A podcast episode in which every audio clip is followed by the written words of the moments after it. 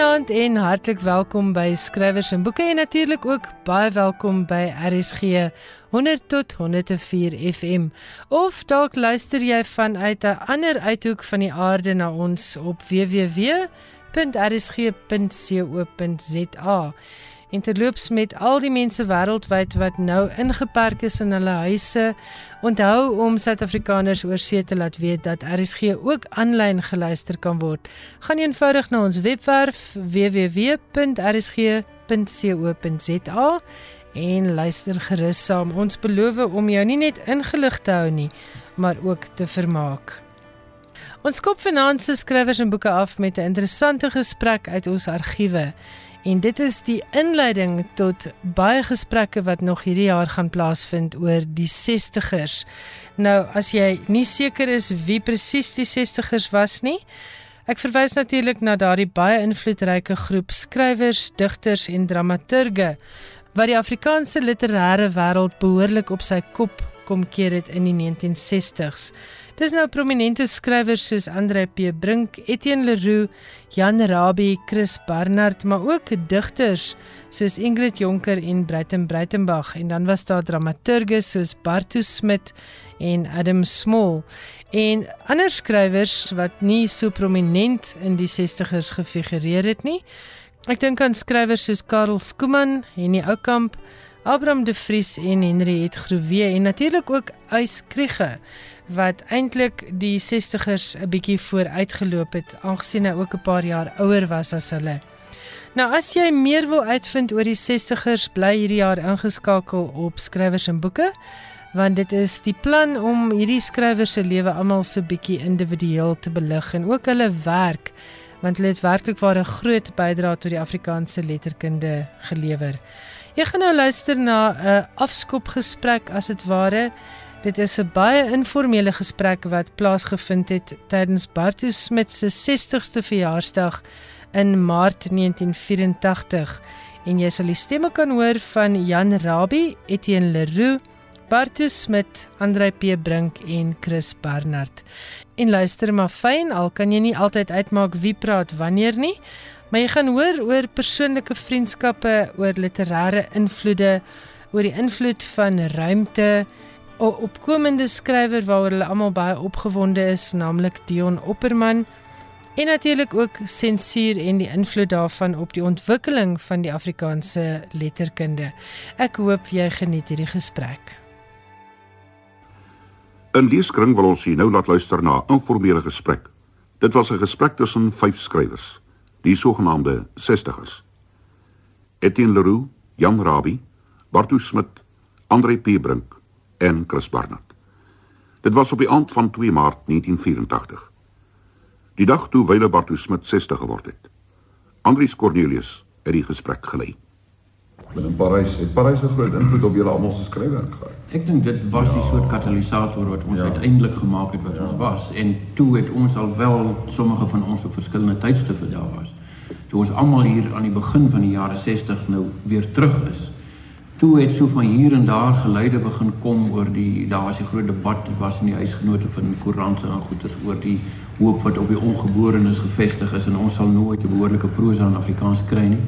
Ons was, die ons, was, ons was die ongeborenes en ons was baie daar gewees en ons het 'n bietjie die hel ingeraap oor al hierdie ou manne wat so kerm en sanik en nie weet wat eintlik al aan die gang is in Afrikaans nie. En dis waar Bartu ons begin bymekaar kry het. Nie Engeland nie, nie Holland nie, Duitsland, dit was Parys daardie tyd, daardie jaar na die Groot Wêreldoorlog. Ja, ek dink moet daar het nog so ag toe al die mense. Ja, maar die mense wat by jou was, jy weet, vonk en oog, kousbroek hulle en uh Elisabeth digters van Holland. Ja, ja. Ek dink Parys het toe nog iets gehad van die die vooroorlogse jare van ja. Hemingway en die en die Gertrude Stein. Ja. En dit was goedkoop.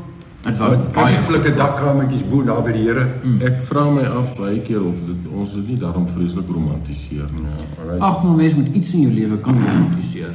Dit sal nie weer dieselfde wees as mens teruggaan. Kan ek nog iets romantiseer? Maar toe ek Maar ek dink ek dink een van die wonderlike dinge daar was wat ek baie dae gevoel het selfs as ek daar loop en miserabel voel en jy kry daai triestige dae en jy voel soos een van daai swart grys duwe wat so koes daar sit dan weet jy nog boetie eendag gaan ek nog terug verlang hierna en ek is daarom maar bly ek is nou hier en dat ek dit nie heeltemal misgeloof het nie. Hoe miserabel dit ook op 'n tydjie was. Nooit gaan slaap voor 3 uur in die môre nie met vriende ja. gestap langs die kaaie en gedroom oor die toekoms en boeke en mense O, en jare en stap, dinge.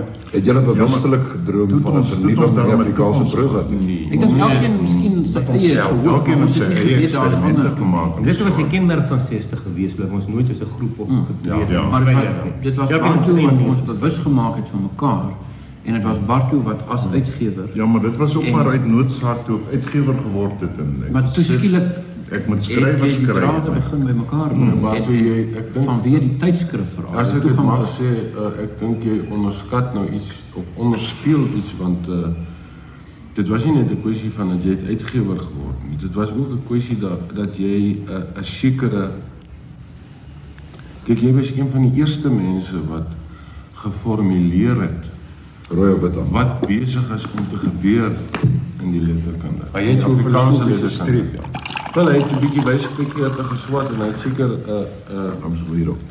'n soort kyk op op op nulle situasie gehad wat wat meeste plaaslike letterkundiges op daardie stadium nog nie gehad het. Ja, julle sal nou vir my lag, maar ek ek wil probeer om 'n doktorale proefskrif te skryf.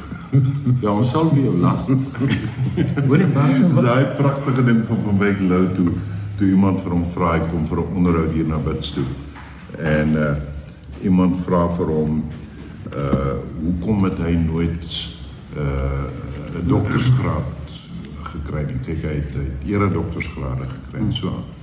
Sê ek was bang my maat het lag vir my. Wat wat was daai stuk wat jy in dit skrif letterkunde 60 geskryf het? Daai reeks artikels. Ehm uh, die krisis van die werklikheidsbeeld. Wie daardie Van die Westerling. het, het so invloed op my werk gehad. As Wel, ek weer praat van Bart. Dis waarna ek verwys, Ja, ja. ja. Ja. Dit was 'n hele klankbodem en Ja, dit het vir ons dinge geartikuleer waarvan ons Presies. vaagweg geweet het en daaroor gevoel het, maar hy het dit vir ons gesê. Chris, jy het gepraat van Bartu as die as die eerste rigter van 60. Wie jy uitbrei daar? Nee, juis juis as gevolg van hierdie uh artikels. Ek dink ek hy was die eerste een onder ons wat hi- hierdie dinge onder woorde gebring het wat gesê het dit is hoekom ons dit 'n noodsaaklikheid geword het om weg te breek van die soort prosa wat geskryf is tot in daai stadium. Jy weet wat jy werklik ons het volstaan Wel net met so ons prosa plaas, nie maar met ons plaasroman met ons ek weet die enigste ou wat 'n bietjie in die in die in die angs en die vertwyfeling inbeweeg het was Willem van der Berg nê nee. Wat wat van 21? En wag nou. Ja, toe toe die Parys al klaar aan. Toe ja. Ja. Maar ek wou nog oor Bartu gesê het, my tweede ontmoeting met Bartu was put sonder water. Weet jy hoe elektries was daardie ding vir ons oues daardie tyd. Die mense weet nie vandag dat my se nooit opgevoer nie. Maar dit was 'n wonderlike simboliek. Ek het dit in Bloemendijk so sterk. Ek Ek, wil nog ek dit nog net ek daarby nooit vergeet nie. eh, Put sonder water Die was gelou dit op- in daardie tyd. 'n prul genoem Ja. toe toe Jan so 'n pragtige verdediging in die burger Ja, gespreek. ja. Maar nou dat jy praat van die eerste keer in Bloemfontein gesien ek ek vind dit jammer dat daar word voortdurend gepraat oor ek weet nie wie die eerste opvoering van Put sou gedoen het nie, maar dit was tog Soekhoffs daai tyd. Soek op Wat die een groep in die land was wat gewaag het dat dit nie Ja, jammer voor professionele professionele Ook, ja maar ja maar Andre dit was dit was 'n baie spesiale opvoering dit. Slegs uitgenooide mense kon dit sien. O, En uh die spelers mag nie aan mekaar geraak het nie. Dit was 'n soort van 'n balletdans en so. aan. dit is nou So ja, dit was dit was nie regtig op. Nee, ek dink nou net aan die soort uh, regulasies waarmee toneelbestuure destyds gewerk het want dit is omtrent in daardie tyd en dit is al laat 60 begin 70 gewees. Mm. Wat uh, die Oom Vanya opvoering ons van Truk hier in Pretoria was waar Kobus Rousseau uh, Oom Vanya gespeel het en 'n hele paar keer moet hy boontoe roep in die loop van die stuk en toe was daar vreeslike ou tantes wat gekla daaroor en toe die raad of wat ook al gesit daaroor en uiteindelik met die bevinding voor 'n dag gekom dat Kobus Rousseau mag God sê op die verhoog maar niemand anders nie. Onder is daar verandering in kom ons praat net vinnig daaroor. Is daar verandering deesdae? Ek praat nou van verhoogstukke. In wat aangebied kan word, is dit 'n verandering in die in die kykpubliek en of is daar 'n verandering van owerheidsweë? Ek dink daar het iets van 'n verandering gekom maar ek dink die die die die situasie van die teater in die land, ek dink Bart sal meer kan sê daaroor. Uh is eintlik tamelik bedroewend op die oomblik. Ja, Afrikaanse ja, Afrikaans maar maar ook Engels. Omdat daar nie En Engels is daar net Effie Fugard eintlik en 'n klompie belovende jong mense wat by die Markteater of by die Baxter in die Kaap aan. Ja, maar ek weet nie die hierdie- hierdie, is- uh, is of ou klassieke werke of musicals en goeders en Ja, maar dit is die skrywers Wat van die krapse vlak? Nee, dis nie die skrywers se skuld nie. Ons is uitgedryf uit die teater. Die bruines begin met interessante drama op die Nee, kans. maar wat ek probeer sê is dat ek Ja. dink het 'n heeltemal 'n 'n verandering in klimaat daarom ingetree in sedertdien. Daar Ja, kan as- meer gedoen word. As as ons word op die oomblik nie skryf vir die verhoog nie. Nou, dan ons ons jammer Ja, maar ons het ons knou gekry. Ja, en sit ons knou gekry. Ek het my vervies eenvoudig omdat ek het 'n geweldige belangstelling in die drama gehad. Maar ek het net gevoel dat om te gaan sit en 'n skry- 'n stuk te skrywe en te weet by voorbaat dat daai stuk nie opgevoer gaan of kan word nie. Ek het gelukkig elke keer die onskuld gehad om te glo dat sal. Andre, wat Ja, ja, sê jy- nou dat as gevolg van die dinge wat gebeur het, eh, het dit 'n invloed gehad op wat die 60ers uiteindelik gelewer het? Sou jy meer toneelwerk gelewer het as dit nie vir die knelbande was? Later, later ja, maar ek het toe gevoel dat uh, mense het soveel energie en ek wil daai energie dan liewer in een bepaalde rigting stuur en dit is die roman gewees vir my. Geld vir jou, Jan? Ek het op die radio 'n klomp dramas gedoen en self opgevoer en ek is baie geïnteresseerd in drama. Maar soos Andri dit genoem het, wie gaan skryf vir so 'n wêreld? Ek het romans. Maurice, ek is ek is daar Ons het eh, weggedryf van die drama omdat hopeloos sou wees. Ek is daar nog heeltemal oortuig van is is is uh iets so spits onder water byvoorbeeld opgevoer is in die tyd toe dit geskryf is met ander woorde hier so 1962 en so. Dat die gehore sou dit aanvaar. Ek is baie Ja, seker. En sekerlik. en ek dink dit is niks meer as reg gewees dat die gehore moes besluit wat wil sien en wat wil nie sien nie. Maar daar was altyd 'n groepie mense wat gesit het en vir 'n volwasse gehoor besluit het wat mag julle sien en wat mag julle nie sien. Ek dink die hele loop van ons drama sou anders gewees het as Put sonder water en Kanna en Kolhuis toe in 2364 se kant op. Ja. Heeltemal anders. Nee, die die, die een opsig waarna ek met Andre saamstem is dat 'n skrywer wanneer hy 'n romans ontwikkel, 'n uh, aversie ontwikkel in in 'n medium, dan skud hy hom nie sommer net so af. Hmm. En in die proses het jare verlore gegaan. Wat En nou is anders nie verlore sou gaan nie. Ja. Nou intussen het hy het Andre hom byvoorbeeld gevestig as as romanskrywer. Dit sou baie moeilik wees vir hom om nou af te sien van iets waarmee hy soveel sukses behaal het en terug te gaan En ook vroeg. 'n mens moet die heeltyd in aanraking met die lewende teater wees as jy as jy drama skryf. Ek droom soms nags ek skryf 'n drama. Ek wil so graag een doen. Ja, ehm, ons het nou oor die drama gepraat. Eddie, en jy het ook dieselfde probleem gehad met uh, Magersfontein. Het dit 'n invloed gehad op wat jy daarna geskryf het? Ek dink nog aan so ja.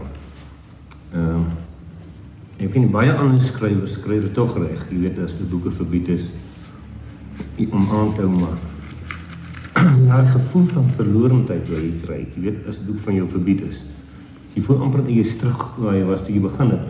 Want my begin was so ek kon nie uitgewer gekry het nie. Ja. En ek het verskillik het ek gevoel, o mensdom, ek is nou waar ek was. Maar daar is dit is my een van die vreemde dinge daar so baie mense is van die sogenaamde gewone publiek wat wat dink eerstens dat 'n skrywer soek na 'n verbieding en andersins dat hy dit kan afskud want ek ek dink dit is een van die grootste traumas wat daar met 'n skrywer kan gebeur. Ek dink ons is min of meer by daai stadium verby nou. Dit is nie meer so maklik uh om ding te verbied staan. En Maar daai is dit nie is dit nie terselfdertyd uh, 'n soort van 'n uitdaging ook nie, Steven? Ek dink ons moet um, ek wil nou net so aansluit by wat jy nou die aand gesê het. Wat? Ons moenie nou so defaitisties klink asof ons in die teater gemaak sit ensovoorts ensovoorts nie. Ons moet ook dink aan die aan die aan die praktiese winste wat dit gehad het dat daar verset uit baie kringe was. Want daar was 'n soort elektrisiteit en die feit dat ons saamgewerk het en dat Dat mense teen die wind ingeloop het, jy weet. Jy kry 'n reaksie al is daai reaksie hoe negatief hoe daai reaksie is daar en daar's niks so wonderlik vir 'n skrywer as om te weet daar is reaksie daar's 'n dialoog daar's 'n elektrisiteit aan die Maar ek voel is nodig dat ek sê my uh na hierdie windstilte wat ontstaan het tussen uh, uh, Afrikaanse dramaturge en en die uitvoerende rade of wat mense hulle ook al noem. Uh het daar by hulle 'n geweldige kentering ontstaan En hulle sê vandag vir ons en ek wil hê ons moet dit ons moet dit erken. Dat wat jy ook al nodig vind om te sê, sê dit. Maar nou wil ek bereid om op die klank. Nou wil ek dan dit ook by sê dat ek dink die een werklik boeiende, belangwekkende nuwe Afrikaanse teaterstuk van die afgelope 10 jaar wat sy debuut gemaak het is 'n jong student van Rhodes Universiteit Dion Opperman. Ehm um, hier is om die kampus te Môre is 'n lang dag. Hmm. En dit is by die uh, eh, ATKV ding opgevoer en, uh, en dit het 'n baie sterk indruk gemaak. Dit is 'n dis 'n elektriese stuk. Hmm. Toe het twee van ons streeksrade geweier om dit te doen omdat hulle sê dat daar sogenaamd te veel kragwoorde in is. Maar daar's meer kragwoorde in baie van die stukke wat dieselfde streeksrade opvoer. Die rede was omdat dit die AMI situasie uitgebuit het. En omdat dit 'n area is wat 'n jong skrywer interesseer, want die hele jonger generasie is vasgevang in die wurggreep van daardie militarisme van die land. Uh nou mag dit skielik nie gedoen word nie. En weer is daar die moontlikheid van iets wat geknou word net op die oomblik dat dit belofte begin toon.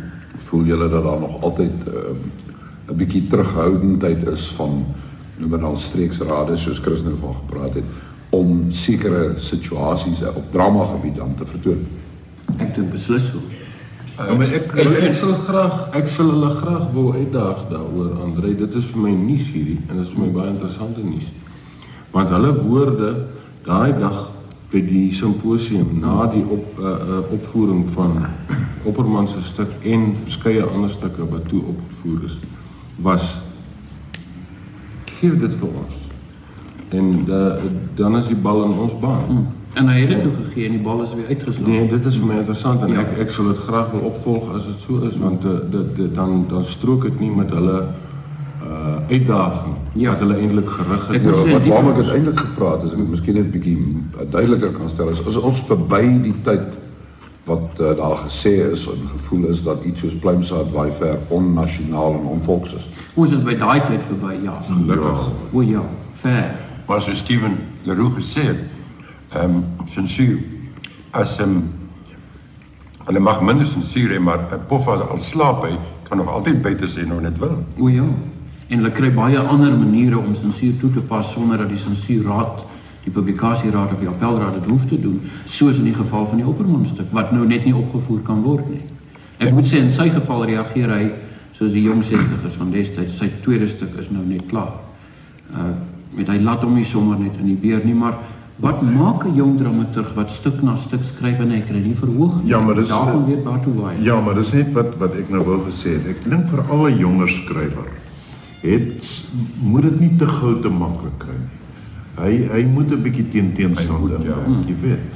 En uh, ek dink daar is vandag so, so 'n slap nuwe generasie. Daar is vandag 'n situasie met 'n hele swerm jong skrywers. Wat die uitgewers raap hulle sommer net so op en uh daar is niks waarvoor jy moet veg regtig nie. Dit is alles te maklik. En ek dink dit is goed vir jong skrywers om sommer so uit die staanspoor alles. Maar toe hulle is hulle nuwe teenstander kry nuwe linkse sensuur, dis 'n nuwe vorm. Daai storieetjie droogte van my byvoorbeeld is 'n groot ek is 'n rasis van toe. Ek dink dit is skrikwekkend en ek dink maar dit is 'n nuwe faktor. Hmm dat droogte afgeseer voor van die beste sportverhale in Afrikaans sogenaamd omdat dit rassisties is omdat die die swart man buite staan, hè, is dit daarom. Wat was hulle rede presies? As jy wit man is, is jy sondig, as jy swart is, is jy heilig. Nee, maar uh, uh, droogte vertel 'n ander storie. Dit dit vertel dat die die wit man ja, maar, nosel genoeg om spesifieke woorde om homself toe te bou. Twee, twee spesifieke woorde kom daarin voor. Jy weet basies so aan. En nou net die woorde word gekry, die historiese bedoeling is hoegenaamd nie van belang nie. Maar daar is daar net 'n nuwe soort hypersensitiwiteit ingetree wat vir my ongesond is. Dit dat sekere ja. woorde taboe is en dit neem 'n hele historiese agtergrond uh, uh, ignoreer dit. Wel, ek vind asof jy gats 'n drama wat uitgegooi is nou net. Ja, ja. dit is skrikwekkend en daar's byvoorbeeld uh hierdie nuwe versamelde prosa van Eugène Marais, versamelde werk van Eugène Marais wat uitgegee is, waar daar sonder enige verduideliking ook sulke woorde ja, uh rassistiese woorde eenvoudig uitgesab is en gemoderniseer is uh woorde gebruik word wat jy maar nie geken maar is. Jy sien dit is afgesien van die feit dat byvoorbeeld die die die die titel ook daarop het op een van uh my kollegas te my huis in my nou dag gewys. Die titel van miskien Maree se mooiste verhaal behalwe sy daar stories, die tuin in die midden van of die bome in die midden van dop. Dat dit het hy gemoderniseer het, het Leon Rousseau gemoderniseer en dit die bome in die middel van die tuin gaan doen.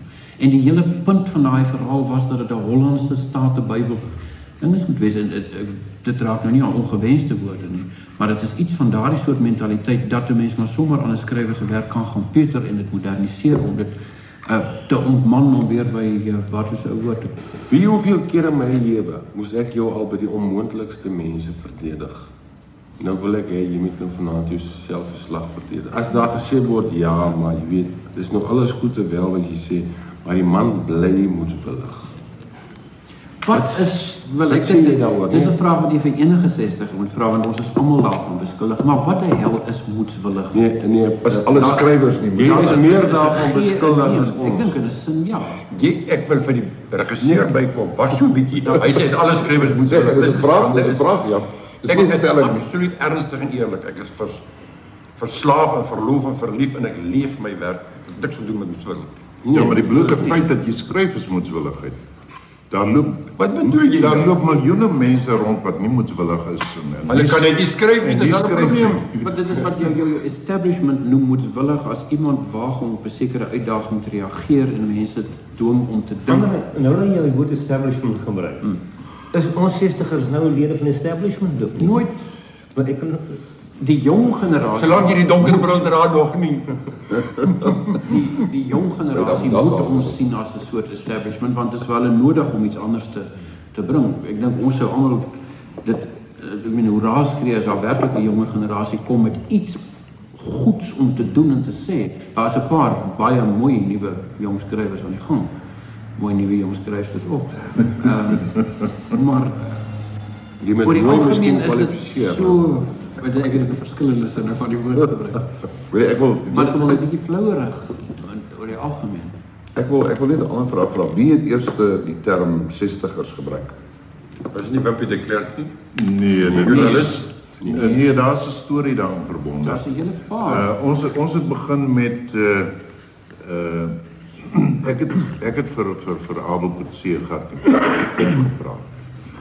En uh en vir hom laat laat voel dat hy kan die vader van 'n nuwe generasie word as hy vir ons sy tydskrif van letterkunde gee vir uh, vir 'n jong generasie. En toe noem ons toe hy ingestem en ons noem toe die tydskrif 60 in syfers. was in 63. uh, Maar dit Dit was was daarom seker 'n analogie van 30 40. Ja, Ja, maar ek was nog seker. net, net voor nou net voor daai tyd nog. Ek het nou die dag nog weer gaan kyk na die goed in die korrespondensie tussen my en Chris. Het elkeen van ons gepraat al van is dit nie tyd dat daar 'n 'n genera 'n 60er generasie of 'n generasie van 60 of so iets kom nie. En toe Chris een keer gesê hy het al gehoor dat mense al daai woord begin gebruik. Uh nou my storie is net dat na die eerste uh uitgawe was daar toe 'n eislike skandaal en die ding is toe uh verbied. Uh ag ten minste uh is toe die nek ingeslaan. Toe ons rondgeval ons by Uniboekhandel kon ons ons eie uh, tydskrif uitgee. Toe soek ons na 'n titel, toe wil ons hom eers 60 uitgeskryf kry. Want Abel Kutse toe vir tydskrif vir letterkunde het hy die 60G so klein behou. En uh toe skryf hy 'n briefie en hy sê hy sou ons hof toe vat daaroor, ons mag dit nie doen nie. En uh toe het ons prokureurs op uh uiteindelik met die oplossing gekom dat as ons dit 60er noem, dan uh uh is daar geen probleem meer.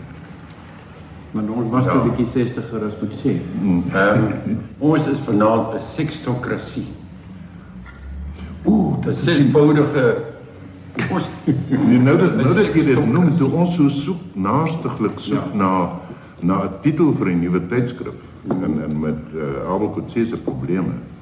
Toe kry ek 'n telegram van van Steven waarin hy omtrent ses verskillende tale die woord 60 gebruik het as titel Joods, Hebreëus en ek weet nie wat alles nie. En ek dink amper dink amper uh, uh, Dis 'n duplikaat. Chris het met 'n oplossing. Joods, Hebreëus en Jiddisch, né?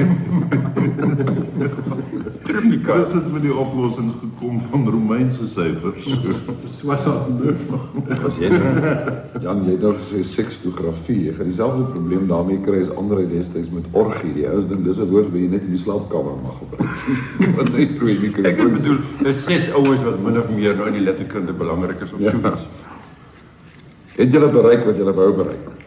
Ons weet nie. Ons weet nie wat Gaan mense weet nie. Want ons het geen doel gehad nie. Nee, ek dink nie, ek, ek dink God dank het ons nie 'n omskrewe doel gehad nie. Met die tydskrif het ons 'n sekere doel gehad en daarom het ons hom gestop toe ons gereken het dat ons dit bereik het. Nee, maar Uh maar ek dink ons het daarna begin Ehm, ons moes eintlik 'n bietjie langer aangehou het. Ek dink ons het die prosa absoluut verander in Afrikaans althans. ja, maar jy weet wat vir my tog daarom eintlik 'n gesonde ding was. En ek ek ek sou wou wens dat dit elke keer weer so gebeur. Is dat ons onderling meer van mekaar verskil het as wat ons ooit saamgestem het.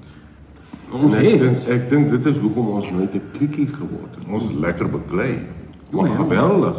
Maar die oomblik as die ander ons aanval in die koerante, het ons ons een man ons maatskappy verdedig. Mm. Moes daai die mooi ding was vir my daar met met met die uh, 60er sirkus daar in die Kaap. Dit was 'n 73 se kant toe Bruit nog daar was. Toe het ons almal eintlik uit die pad uit gegaan om onsself te begrawe. Maar toe een Engelse skrywer opgestaan en 'n paar neerhalende dinge gesê oor ons en soos een man het ons net eenvoudig weer die ou baal verdedig. Wie was hy? Jack, Jack uh, Hoor is hom ja, met is selfde geleentheid Andre.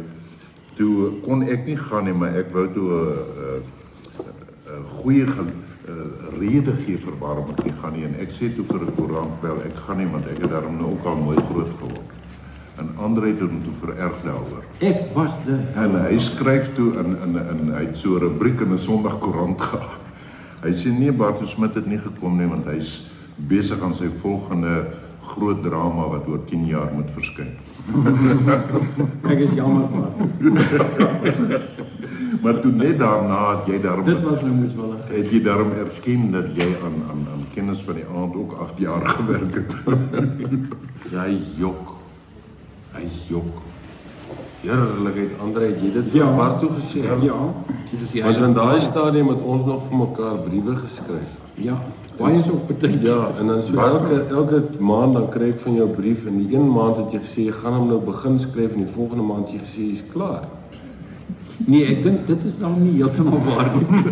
Jy bedoel jy 8 jaar met hom in jou rondgeloop voor die Nee, geboorte. nie. stukke stukke geskryf op al die eerste skryfsels van hom was 8 jaar voor die. Bart, Maar Jan, jy toe mos in uh, in Groenpunt gebly destyds, nee. Sim. Hy Het jy ook 'n Kap. soort van uitgewery gehad of En net met die Mishoring. die hele koster. Mishoring. Die mishoring pers. Daar is 'n mishoring in Groenpunt. Moes dit hom eintlik baie nodig nou hê. Waarskuwende geluid. Hoorie Andre, maar het jy nie vir my op 'n kol geskryf dat jy het 'n roman begin skryf oor 'n dominee? En toe sou, splinter, toe splinter daar iets af. Het was jou o, ekskuus. Toe splinter daar iets af. Ek onthou die beeld baie goed. En toe word dit 'n ander roman. Was dit was dit Ambassadeur. Ambassadeur. Ja, die doel Maar wat het van die dominee geword? Maar ambassadeur het dan Lê so nog aan die vinnig gegaan jong dat ek kon nie voorbly om te lees soos wat Andre geskryf het nie. Ja, maar jy weet wat my Sy is van ontsettend frustreer is dat hy hy skryf die roman en dan vertaal hy hom ook nog. Bom. En hy Dan hers doen hy dit vinniger as wat ek sou 'n kort verhaal geskryf het, weet. Ek ek ek Chris- ek, ek skryf eh, dit is vir my 'n vorm van luiheid. weet Tikkie William nog maar net met een van Ja, William Saroyan het eendag gesê dat dit vat soveel X energie om 'n bepaalde roman te skryf. Een skrywer kan daardie hoeveelheid X energie in 'n maand daarin sit en daai roman skryf. As 'n ander skrywer dieselfde een sou geskryf het, sou hy dieselfde hoeveelheid energie net versprei het oor 'n groter hoeveelheid tyd. Ja, maar het jy intussen tyd om jou tande te borsel? Baie. Jy het meer Onder energie. meer, onder meer. Wat ek wou nog vir jou gesê, ek het altyd een ding in jou waardeer. Jy's 'n verskriklik ernstige mens, maar jy het altyd daai ou stout lag in die hoek van jou mond. Wel dit kan die Dankie. mens, dit kan die luisteraars gelukkig nie sien nie. Barto, as jy terugkyk oor hierdie tyd. Voel dit vir jou daar's iets bereik? voel jy nou oor 60? Ek weet nie, 20 jaar terug. Ek dink ons sal waarskynlik almal bereik het wat ons bereik het. Uh ek weet nie of of uh, as ons so een een geloop het of die mense dalk sou reg gekry het om ons dood te druk of die sweye Hmm, op te lê of wat ook al nie, jy weet. Ek dink as goeie oudtydse eksistensialiste sou ons sê ons het uh ons het beweeg en ons is hopelik nog altyd aan die beweeg, maar Hmm. hopelik sal ons nooit ergens uitkom. Maar ek moet daarom nou by sê, jy weet, ek dink 'n siek ding is om uh te probeer vir jouself vertel hoeveel daar bereik is. O, jene ja. Maar aan Ja. die ander kant dink ek 'n mens verloor ook 'n klein bietjie perspektief. Uh omdat jy miskien wil.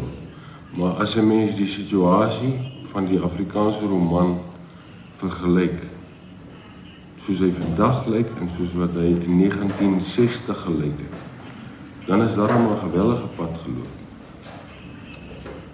Maar ek dink die term Ja. ja. 60.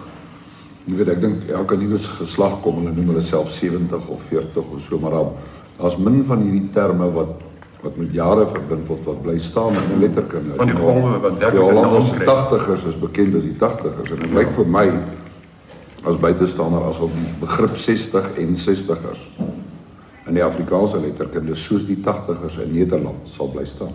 Die 30ers, die 60ers en dalk die 90ers. Maar ek dink 'n mens sou daarom kon sê dat daar was nie 70's nie. En ook Ja, tot dusver was nie. 80's. Tot dusver die 80's nie, maar Ek ons moet hulle daarom weet. 6 jaar kans gee. Daar sê bly 6 jaar oor en ek wil jou sê in 1964 het ons ook nog niks gelyk nie. Stadig. Dink jy? Teen 64 was Silverstein al daar. Ja, was een van net Azazeel al op, daar. was maar Pits net- water al daar. Ja, maar ook was net- Boal al daar. net- was mens alleen al daar. Was die Bolandia nie toe al begin? Nee. Ja, en 21 was daar 60, 63, Ja, 65. maar 21 is Ek skryf Bolandia 50. 4 nou. 21 is nie vir my 60 nie, is 50. eensame voorloper. Ja, maar dit was tog al 60 60 literatuur. Ek meen as as jy praat Julle van kibbel 60, nou, los dit nou. Uh 21 was was waarskynlik die eerste 60 gewerk. Ons moenie oor onsself sit en spog en praat nie. Nee, dis- maar, ek dink dit Ons het lekker gewerk, ons het lekker saamgewerk. Maar moet nou nie in die verlede tyd praat nie. Ek hoop ons gaan nog baie lank baie lekker werk. Lekker maar ek, werk ek en hoop net daar's al meer Wat sê die jong generasie wat kan Wat saam- sê die jong klomp daarvan dat ons nou nou so hard was praat hier? Hulle sal hulle beurt kry. Dit was 'n gesprek met die 60ers Etienne Leroux, Jan Rabie, Bartu Smit, André Pebrink en Chris Barnard wat op 2 Maart 1984 opgeneem is. Die gespreksleier was Andries Cornelius. Dit was dan die eerste helfte van Finanse skrywers en boeke. Jy het geluister na 'n argiefopname wat in 1984 opgeneem is tydens Bartu Smit se 60ste verjaarsdag. Baie dankie aan Karen de Tooy van ons argiefdiens en dankie ook aan die SABC argiefspan. Skrywers en boeke. Alles wat jy oor die boekewêreld wil weet en meer. Altyd lekker om vir Johan Meiburg in die ateljee te verwelkom en Johan, waaroor gesels jy vanaand? Wel ons begin met Women's Prize for Fiction, die langlys vir die prys. Nou, dit is die prys vir uitnemende, oorspronklike en toeganklike skryfwerk deur vroue in Engels en reg oor die wêreld is onlangs bekend gemaak. En die uitsluiting van Margaret Atwood se The Testaments laat 'n mens wonder of die roman dan nie uitnemend, oorspronklik of toeganklik is nie. Met die roman het Atwood verlede jaar die Boekerprys met Bernardine Evaristo gedeel. Evaristo se Girl, Women, Other is wel ingesluit in die Women's Prize langlys. Die boeke van nog twee vorige Boekerpryswenners, Hilary Mantel en Anne Enright, is ook ingesluit. Mantel se The Mirror and the Light en Enright se Actress. 'n Vorige Women's Prize wenner, Anne Patchett, het die lys gehaal met The Dutch House. Dan is daar ook die Amerikaanse skrywer Jacqueline Woodson met haar roman Red at the Bone, die Ierse skrywer Edna O'Brien met Girl, die verhaal van 'n meisie wat aan ontvoer word deur Boko Haram, en Jenny Offel se Weather, 'n boek oor klimaatangs. Maggie O'Farrell se Hamnet 'n verkenning van die lewe in die Shakespeare huishouding rondom die dood van sy en Anne Hathaway se seun op 11 is ook ingesluit. Skrywers wat dalk minder bekend is, sluit in Candice Carty Williams met haar topverkoper debuut Queenie, Deepa Anapara vir haar debuut Gin Patrol and the Purple Line, Claire Lombardo se The Most Fun We Ever Had, 'n roman oor vier susters in 'n disfunksionele gesin, en Taffy Brothers se Agner vir haar debuut Flashman is in Trouble. Die langlys sluit ook in A Thousand Ships van Natalie Haynes. Die verhaal van die Trojaanse oorlog vertel uit die oogpunt van die vroue in die oorlog. Angie Cruz se Dominicana, Luan Goldie se debuut Nightingale Point en Jingjing Lee se debuut How We Disappeared. Die verhaal van 'n vrou se ervaring in 'n Japanse kamp vir krygsgevangenes in 1942. Die kortlys word bekend gemaak op 22 April en die wenner van die 25ste Women's Prize for Fiction op 3 Junie.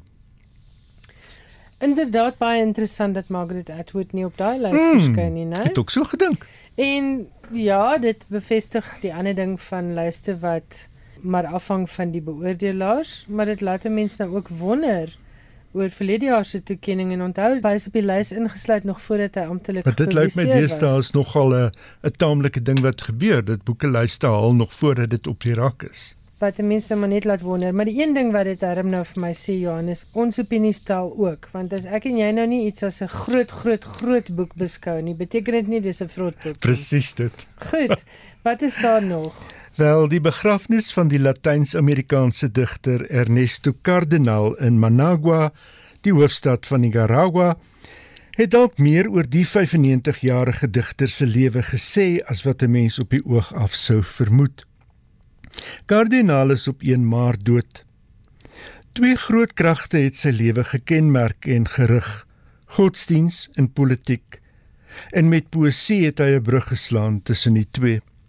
As Rooms-Katolieke priester was kardinaal een van die sterk voorstanders van die bevrydingsteologie van die 1970s en daarna en in die 1980s was hy minister van kultuur in die Sandinista regering van Daniel Ortega. Kardinaal het by geleentheid opgemerk: Christus het my na Marx gelei.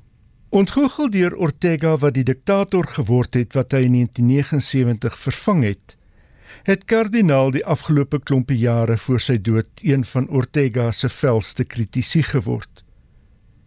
Ironies genoeg was dit 'n pauslike gesant wat tussen beide getree het toe Ortega ondersteuners die begrafnis wou ontwrig. Dit was Paus Johannes Paulus II wat kardinaal in 1984 van sy reg om die sakramente te bedien gestroop het, juis omdat hy die pos as minister van kultuur bekleed het. Daar is die beroemde foto van kardinaal wat in 1983 tydens die paus se besoek aan Managua gekniel het om die paus se ring te soen, net om deur die woedende paus afgeransel te word, al vingers swaaiend. Gedigte het kardinaal van jongs af geskryf, sterk onder die invloed van iemand soos Pablo Neruda. Tydens sy letterkunde studie in Mexiko het hy in 1947 sy eerste bundel in Spaans gepubliseer en toe later sy studie in New York voortgesit. Daar het hy die verse van William Carlos Williams, Walt Whitman en Ezra Pound tegekom. In 1950 het hy by die Trappiste Orde in Kentucky in die VSA aangesluit met die priesterdigter Thomas Merton as sy spirituele gids. Terug in Nicaragua het sy poësie al exteriorismo geword, soos hy dit gestel het. Sy keuse van beelde het sterker gesteun op die alledaagse en dit het duidelik gebleik dat hy geen behoefte het aan suiwer poësie nie, maar verse wil skryf met 'n sosiale dimensie. Kardinaal was een van die toonaangewendste digters in die Latyns-Amerikaanse letterkunde. Benewens godsdiens en politiek, albei in die wydste strekking van die woorde, was dit die natuurwetenskappe wat in sy verse neerslag gevind het. Toe hy in 'n stadium as moontlike kandidaat vir die Nobelprys vir letterkunde genoem is, het hy gesê die bekoring van die prys lê in die prysgeld wat hy graag aan behoeftiges sou wou uitdeel. Ek sit nou vir jou en luister en ek dink aan daardie ou gesegde wat sê dat die waarheid baie keer interessanter is as fiksie want hierdie klink na 'n lewe vir 'n boek. Dis 'n ongelooflike verhaal. En dit is alles van kommunisme en rebellie en diktatuur en poesie tot by die kerk en ongelooflike storie. Ek hoop iemand skryf dit eendag neer. Inderdaad so. En dan sluit jy af met iets wat ek dink op almal se lippe is op die oomblik, maar jy het gaan kyk daarna in die letterkunde. Wel die onlangse WhatsApp boodskappe oor die Amerikaanse skrywer Dean Koontz wat die uitbreking van die koronavirus in een van sy boeke The Eyes of Darkness van 1981 sou voorspel, was dalk meer alarmerend as feitelik. Maar dit het nietemin die rol wat epidemies en aansteeklike siektes in boeke speel weer na vore gebring. Koontz verwys in sy boek na 'n virus genaamd Wuhan 400 En 'n mens hoor die naam van die stad waar COVID-19 sy oorsprong het. Maar dis waar die ooreenkomste eindig. As 'n mens die plaanpestilensies van die Bybel sou uitreken, is Homeros een van die vroegste skrywers wat 'n epidemie toeskryf aan die woede van Apollo. Dit doen hy in sy Ilias en beskryf hoe Apollo vuurige pile op die Grieke afvuur in 'n gepaardgaande epidemie wat hulle 9 dae lank tuister. Eendag langer vertoef Giovanni Boccaccio se 10 gaste in Decamerone in 'n herehuis buite Florence ten tye van die builepes in die 14de eeu. Die 10 mense vertel 10 dae lank elkeen 'n verhaal om die ander se aandag af te lei van hulle verknorsing. En op dië manier bring hulle 'n fiktiewe wêreld tot stand wat subtiel, wreed, tragies en komies is. Of dink aan Albert Camus se roman van 1947 wat vertaal is as Die Pes, vertaal deur Piet de Jager en in 2012 uitgegee deur Protea. Dis 'n verhaal waarin eers rotte begin vrek en dan duisende inwoners in die Algerynse hawe stad Oran begin doodgaan. Daar is Philip Roth se Nemesis, The Stand van Stephen King, Zone 1 van Colson Whitehead The Year of the Flood van Margaret Atwood en haar Oryx en Kruik. Daar is José Saramago se roman wat vertaal is as Blindness. Die lys gaan aan. Maar dalk is dit dan die rol van fiksie. Dit bied nie antwoorde nie, maar stel jou des te meer in staat om die vrae van jou tyd duideliker te formuleer. Ja, en ek deel graag hierdie met jou en die luisteraars. Dit kom uit Koors, bladsy 23 van Dion Meyer se 2016 roman. Ek lees net so 'n stukkie. Dit is nie eienaardig nie. Koronavirusse kom nogal algemeen voor. In die era voor die koors het hulle van minstens 4 geweet wat griep en verkoue simptome in mense veroorsaak. Koronavirusse leef ook in diere, soogdiere en voëls. In die veselperskeboom sit 'n vlermuis met 'n ander soort koronavirus in sy bloed. Die vlermuis is siek. Diarree veroorsaak dat hy mors op die man onder die boom se gesig, sy oë of sy neus of sy mond. Die tweede koronavirus is nou in die man se bloed. Die twee virusse vermeerder saam in dieselfde selle van die man se lugpyp en hulle genetiese materiaal raak deurmekaar. 'n Nuwe koronavirus word gebore een wat maklik ander mense kan aansteek wanneer dit ingeasem word en wat die vermoë het om jou baie siek te maak.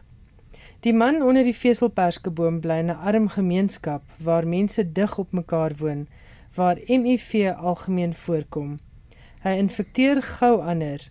Die nuwe virus trek deur die gemeenskap en hou aan met muteer. Een mutasie is net perfek. Dit versprei maklik deur die lug. Dit neem net genoeg dae om mense dood te maak sodat elkeen baie ander mense kan aansteek. So hier is dit in 2016 in Afrikaans gedoen. Profeet in ons eie land. Maar net vir ingeval mense nou werklik dink Dion is 'n profeet, ek dink hy sal my nie kwaliek neem as ek sê dat hy uh nie noodwendig 'n profeet was nie. Koronavirusse is regtig baie algemeen. Dit kom byvoorbeeld ook in ons troeteldiere se ingewande voor en dit is gewoonlik heeltemal onskadelik en hanteerbaar vir almal van ons. Maar dankie, dit was nou 'n interessante wandeling deur die letterkunde om ons bietjie op hoogte te bring van skrywers en hulle vermoëns. En dit is tog gaaf om weer kennis te neem van daardie boeke. Ja. Om Boccaccio weer te gaan lees is uh, is tog 'n wonderlike uitdaging. Dankie Johan Meiburg. Dit het tyd geword om te groet.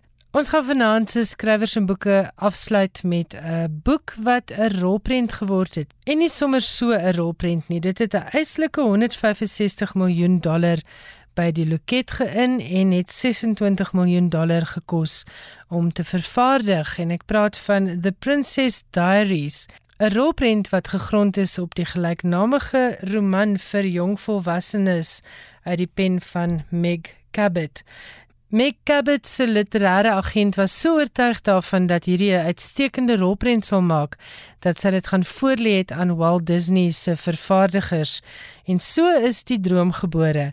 Die rolprent vertel die verhaal van 'n jong Amerikaanse meisie wat saam met haar enkel ma woon en dan hoor sy op 'n dag dat sy die aangewese troonopvolger is in 'n klein Europese koninkrykie. Dan volg 'n baie moeilike besluit. Wil sy 'n sorgvrye Amerikaanse tiener bly of wil sy die koningin van hierdie Europese koninkryk word? En dit is 'n besluit wat sy moet neem saam met haar peetma en die huidige koningin. Maar wat moet 'n prinses net nie alles aanleer nie?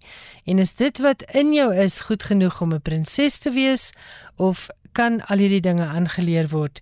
Julie Andrews wat voor dit in 1964 laas in 'n rolprent verskyn het, het in The Princess Diaries haar terugkeer gemaak as die koningin teenoor Anne Hathaway wat prinses Mia vertolk het.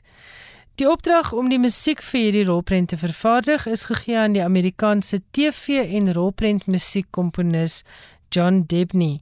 Hy is bekend vir sy werk in TV en rolprente maar ook in videospeletjies en het al musiek gekomponeer vir enigiets van komedies tot thrillers en aksieavonture. Debney is al genomineer vir verskeie toekenninge onder meer 3 Primetime Emmy Awards en 'n Oscar vir die musiek van Mel Gibson se aangrypende The Passion of the Christ. Ons gaan nou luister na Prinses Mia's Waltz en dit kom uit die rolprent The Princess Diaries. Tot ons weer gesels volgende Woensdag aand om 8uur groet ek Elsje Saltzfeld. Geniet jou inperking as jy gelukkig genoeg is om van die huis af te werk. En as jy nie so gelukkig is om van die huis af te werk nie, Hou jouself maar veilig, was jou hande gereeld en bly maar weg van siek mense en hou ook daardie 1 meter afstand van enige ander mense as 'n voorsorgmaatreël. Tot ons weer saamkuier volgende Woensdag aand, groet ek Elsje Saltzfeld. Totsiens.